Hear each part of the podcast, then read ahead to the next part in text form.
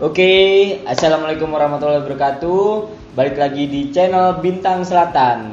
Tapi gue lupa nih, bro. Gue kan belum bikin uploadan sebelumnya ya. Jadi ya tonton dulu dan dengerin nih potongan gue.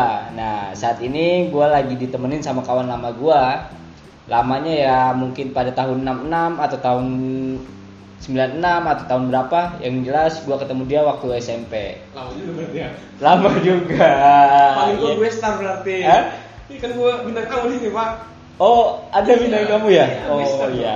Mungkin nanti honornya diselipin aja ya. Boleh lah. Oke. Tinggal komunikasi aja. Ya oke, kalau mengundang dia namanya Edi Tirna, honornya murah banget kok. Kasih aja rokok Surya satu batang gitu kan, sama gelas kopi, tapi join aja, dia mau kok. Oke. Oke oke. Eh, sedikit sih gue mau nge-review lo gitu kan. Nge-reviewnya apa sih? Jangan berat-berat nih ya. Gue juga gue juga bingung nge-reviewnya apa gitu. Apa yang di-review gitu. Nah, tapi agak sedikit menarik nih teman-teman ya yang lain bahwa dia ini bentar lagi akan menjadi Kang Nong Kabupaten Serang, tapi belum Amin, amin, amin. disahin ya, tapi belum belum grand final nih. Ya kita bisa kulik-kulik lah kenapa dia bisa sampai darinya tadi tuh dari zaman SD SMP SMA sampai ya kuliah lah dapat dikatakan dia itu adalah sosok yang ditakutkan dari kalangan anak kecil sampai kalangan dewasa bahkan untuk para kaum wanita. Udah, udah macam Naruto berarti gue nih. Oh iya, jadi hati-hati. Ya, jadi kenapa sih bisa sampai lo ada ide tiba-tiba lo pengen jadi Kang Nong Kabupaten gitu? apa ya jadi kalau gua sih gini karena mungkin gua kuliah nih ya dari kuliah kuliah gua juga di Bandung ya berarti stay di Bandung dong terus kan gua kalau asli kan orang Serang jadi kan nggak mungkin juga kita stay di Bandung terus nggak mengimplementasikan pengetahuan kita buat daerah ya minimal ketika ada ruang di daerah contohnya ada Kang Nong ya gua Hmm. masuk di sana begitu Oke, mengimplementasikan pengetahuan yang dapat di Bandung untuk di Serang ya kan? Iya, sebenarnya gua nongkrong doang sih di Bandung juga, nongkrong doang. Enggak, tapi gue bingung nih. Kang Nong Kabupaten ya kan? Ini kan ke tentang wisata, lingkungan hidup dan yang Iya. lain-lain. Nah, emang lo kuliah di sana jurusan apa gitu? Kalau ditanya ini nggak sinkron gitu ya. kan perlu dipertanyakan gitu ya. Oke teman-teman ya, bener nggak? Ya kalau gua sih kuliah di Universitas Pendidikan Indonesia, ya berarti tepat banget ya Pendidikan Indonesia, pendidikan Hmm. ya. Nah, tepatnya Fakultas Pendidikan Olahraga dan Kesehatan FKUP UPI. Hmm, prodi gue jurusan Pendidikan Kepelatihan Olahraga. Hmm. Kayaknya nggak nyambung banget ya. Masuk ke, ke apa dunia pariwisata gitu masuk nggak kira-kira menurut gue emang ah? Menurut gue sih nyambung gak masuk atau gitu ya kalau nggak nyambung disambung-sambungin kalau nggak masuk ya dipaksa masukin Boleh lah, boleh, boleh. Kayaknya cocok banget. dan sekarang udah sampai tahap mana sih lo sekarang Sekarang gue tahap terakhir berarti ini grand final. Oh udah masuk iya. final Grand final di bulan Juni berarti. Ya karena sebelum sebelumnya kan ada tahap-tahap juga ya. Hmm, hmm, hmm. Ada karantina, eh apa sebelum karantina ada audisi. Nah, sebenarnya gue juga dadakan pada saat itu karena ngerasa jenuh eh, di Bandung nggak ada ruang aktualisasi yang minimal ketika pulang di Bandung itu ada yang dikerjain di daerah gitu kan Hmm. pulang oh pas gue lihat pamflet di apa ya bukan pamflet ya maksudnya ada kayak promosi-promosi kegiatan-kegiatan di media sosial juga pas gue lihat "Lah, ada kamu kabupaten Serang nih gue coba-coba lah awalnya sih coba-coba Hmm. Tapi lu gak nyangka lu lolos gitu. gue juga nggak nyangka gitu Oh. Karena gue nggak ada face face gimana ya face face yang kalem gitu ya. Eh, Atau yang agak berwibawa sedikit kan. Oke guys, ini namanya adalah iseng-iseng berhadiah. Tapi jangan coba-coba. Bener, ini iseng-iseng berhadiah tapi harus dimanfaatkan ya hadiah ini ya. Kalau nggak dimanfaatkan nanti cuman hanya terbengkalai. Iya betul ya minimal ketika lo coba-coba juga ada hasil dan ada output untuk yang dikerjakannya ada realisasi yang harus dikerjakan gitu Hmm, tuh. Terus gimana sih eh, saat lo coba kan berarti kata lo kan ada tahap-tahapnya nih sebelum Hmm. menuju grand final. Ada nggak sih tahap yang lo tadinya mau udah iseng-iseng nih, ya kan iseng-iseng berarti ya gue lolos syukur enggak Hmm. nggak apa-apa ya Iya, kan gitu. tapi saat lo dinyatakan lolos nih ke beberapa besar misalkan terus ada tahapan nih tahapan lanjutan lo Iya. ada pernah nggak situasi saat tahapan itu lo wah kayaknya gue nggak bisa nih Nah, pernah gua. Jadi ini sebenarnya gokil ya. Jadi kan awal juga sempet konsul dulu gua sebelum daftar itu. Iseng-iseng tapi Oh. gua harus tahu juga dong. Gitu kan Iya. Iya. banget juga iseng parah gitu. Kan kalau iseng parah kayaknya gua konyol gitu. Oh. Nah, gua konsul dulu lah ke teman-teman juga. Teman-teman gua yang di Bandung. Oh ya udah katanya. Kalau gua sih rekom gak temen gua gitu ya. Udah masuk aja tapi gitu. Hmm. coba-coba lah.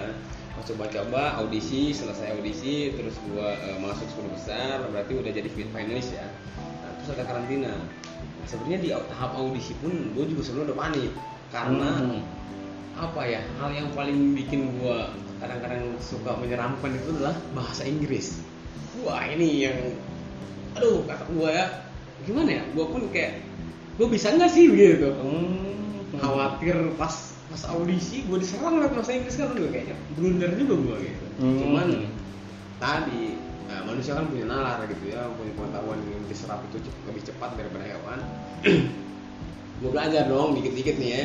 Minimal gue bisa percakapan lah gitu ya. Sedikit Ah, doang benar. sedikit. Yang penting yes no Iya, lancar. yang penting yes no kan? Oke yes no lancar. Nah terus gue apa namanya audisi. Gue berharap itu gue berharap sih gue udah tegang ya dapat ditanya pakai bahasa Inggris. Iya. tapi ternyata audisi nggak ada yang bahasa Inggris gitu kan di juri-jurinya.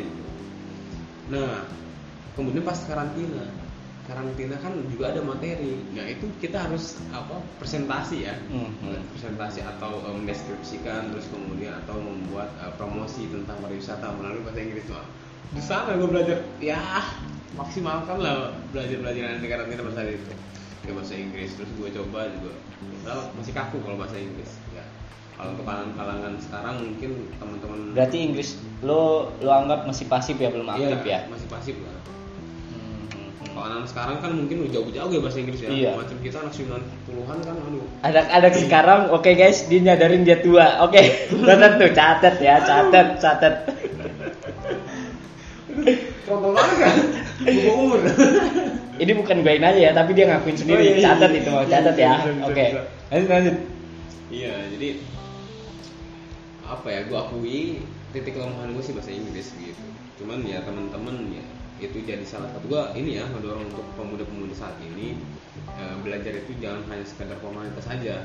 Itu kan ketika memang nanti apa merujuk ke dunia kerjaan, dunia sosial, dunia masyarakat luas gitu kan. Nah itu jadi salah satu juga faktor yang harus kita bisa. Atau bahasa Oke. Inggris ya, bahasa Inggris itu penting nanti. Gitu. Bukan nanti sih sekarang udah ini terasa gitu. Iya udah mulai terasa kalau untuk seusia kita gitu ya. Tapi kan kalau untuk anak kecil kan nggak mungkin juga. Eh tapi sekarang sudah banyak kan gini loh. di Inggris tuh anak kecil pintar. itu baru mau bilang gitu kan. tapi enggak beneran. Eh, orang tua hari ini ya kan banyak nih anak kecil sekarang anak kecil lah yang baru bisa berbicara atau bisa belajar warna apa Hmm. itu didominankan bahwa ya dipadu lah bahasa Indonesia dengan bahasa Inggris ya mungkin dengan arti nalar orang tuanya mengharapkan ya anaknya dapat belajar dari dini Nah, itu. Nah, tapi gue pertanyaan, Itu. belajar dari dini, dini mana ini? usia mungkin ya. Oke, Oh, iya dari Usia usia mungkin. dini gitu kan. ya, terus kapan acara grand final direncanakan ini? Nah, rencana sih di pertengahan bulan Juni, Bang. Bulan Juni ini. Hmm, apa itu udah dipublis atau belum? Kalau udah publish untuk komedia mungkin kayaknya beberapa hari lagi, Bang.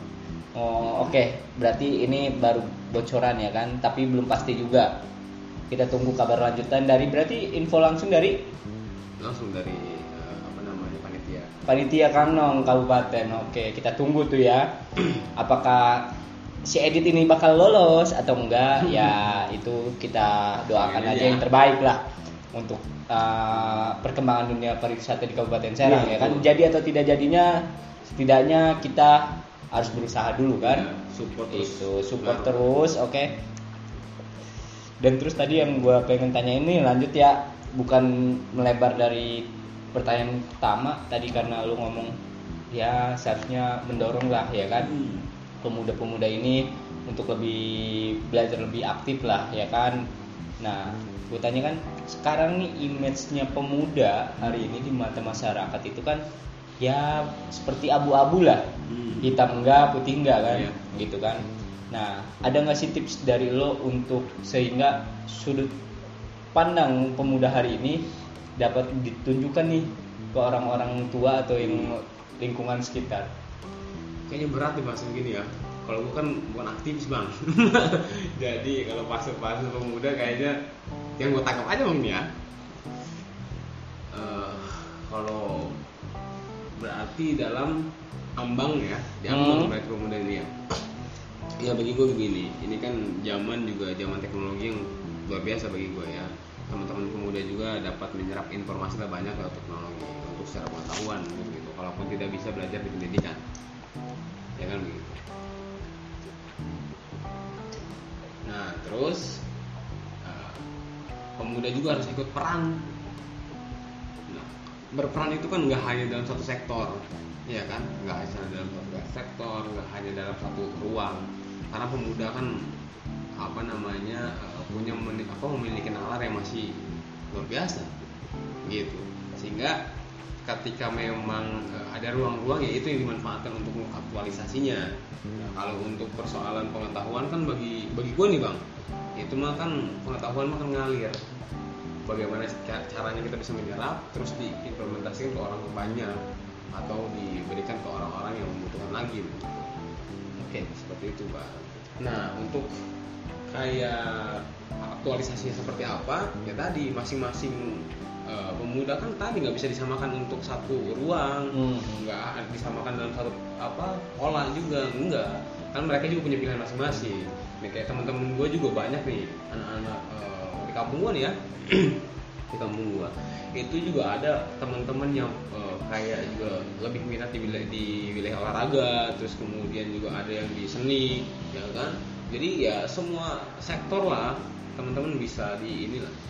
Kalau pemuda kan orangnya masih pengen ke sana kemari juga sebenarnya fleksibel Iya. ya sebenarnya ya Iya, betul. berarti yang penting ditekunin aja ya Hmm, ditekunin. Nah, tips Ditekunin. tipsnya untuk pemuda itu jangan apa ya bahasa gue nih melehoy. Jangan nondoy lah. Kalau pemuda kan masih semangat semangat nih. Ya apa aja dilakuin selagi itu positif begitu.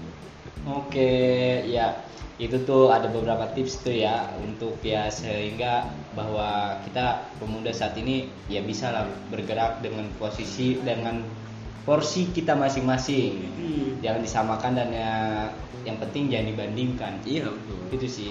Karena pengalaman gua sendiri Jadi- saat dibandingkan Curhat bang ya. curhat juga sih saat dibandingkan itu rasanya bukan males bukan terpancing karena apa tapi nantinya bahwa eh, apa ya mindset kitanya itu ngapain sih lu bandingin bandingin Nah, gua gitu? Nah coba ayo kita bareng lah. Kita buka pola pikir kita lah masing-masing. Ya gua Apa? juga bakal menghargai lah semua hal itu. Nah satu lagi nih. Satu pertanyaan lagi yang gue pengen tanyain sama lo. Aduh, kayaknya gue dikorek-korek nih sekarang. ya kan Eh, harapan lu saat ini dengan usaha yang lu udah raih nih di Kangnong ini dan tadi beberapa masukan untuk ke pemuda ya kan untuk mindset pemuda harapannya lu itu bagaimana sih? Nih final kan bentar lagi nih kata lo nah harapannya apa sih? Apakah mau ya kalau gua bilang ada yang bilang kalau saat pengen jadi ini untuk memajukan ini Hmm. untuk mengembangkan ini yaitu ya biasalah Hmm. ada yang tidak biasa nggak di Batu bagi gua semua ini misteri bagi gua ya. Jadi misteri itu hal yang tidak biasa. Tabu. Bisa dikatakan tabu gitu kan. Ya utopis juga karena bisa dikatakan utopis. Sehingga pada akhirnya misteri itu yang harus kita pecahkan. Kalau orang kan berandai-andai gua harus jadi misalkan ya eh, jadi dokter ya nggak jadi masalah berarti pilihannya dia jadi dokter. Kalau gua sederhananya ingin menjadi sosok yang bermanfaat untuk ya keluarga untuk daerah untuk negara dan dunia. Gitu. Go internasional. Siap oke. Terima kasih buat edit ya kan? Oke guys itu sedikit obrolan gua. Ya kalau mau dibilang ini podcast ya mungkin sedikit podcast. Tapi tunggu lagi podcastan podcastan yang lain dan insya Allah mungkin nanti di channel Bintang Selatan ini bukan hanya podcast tapi ada review-review yang lain atau sharing-sharing yang lain atau ya kayak sinematik eh, berapa menit lah gitu sinematik pendek lah yang akan kita buat. Ya yang penting tungguin aja. Jangan lupa untuk share komen like di channel ini ya oke? Terima kasih. Wassalamualaikum warahmatullahi wabarakatuh.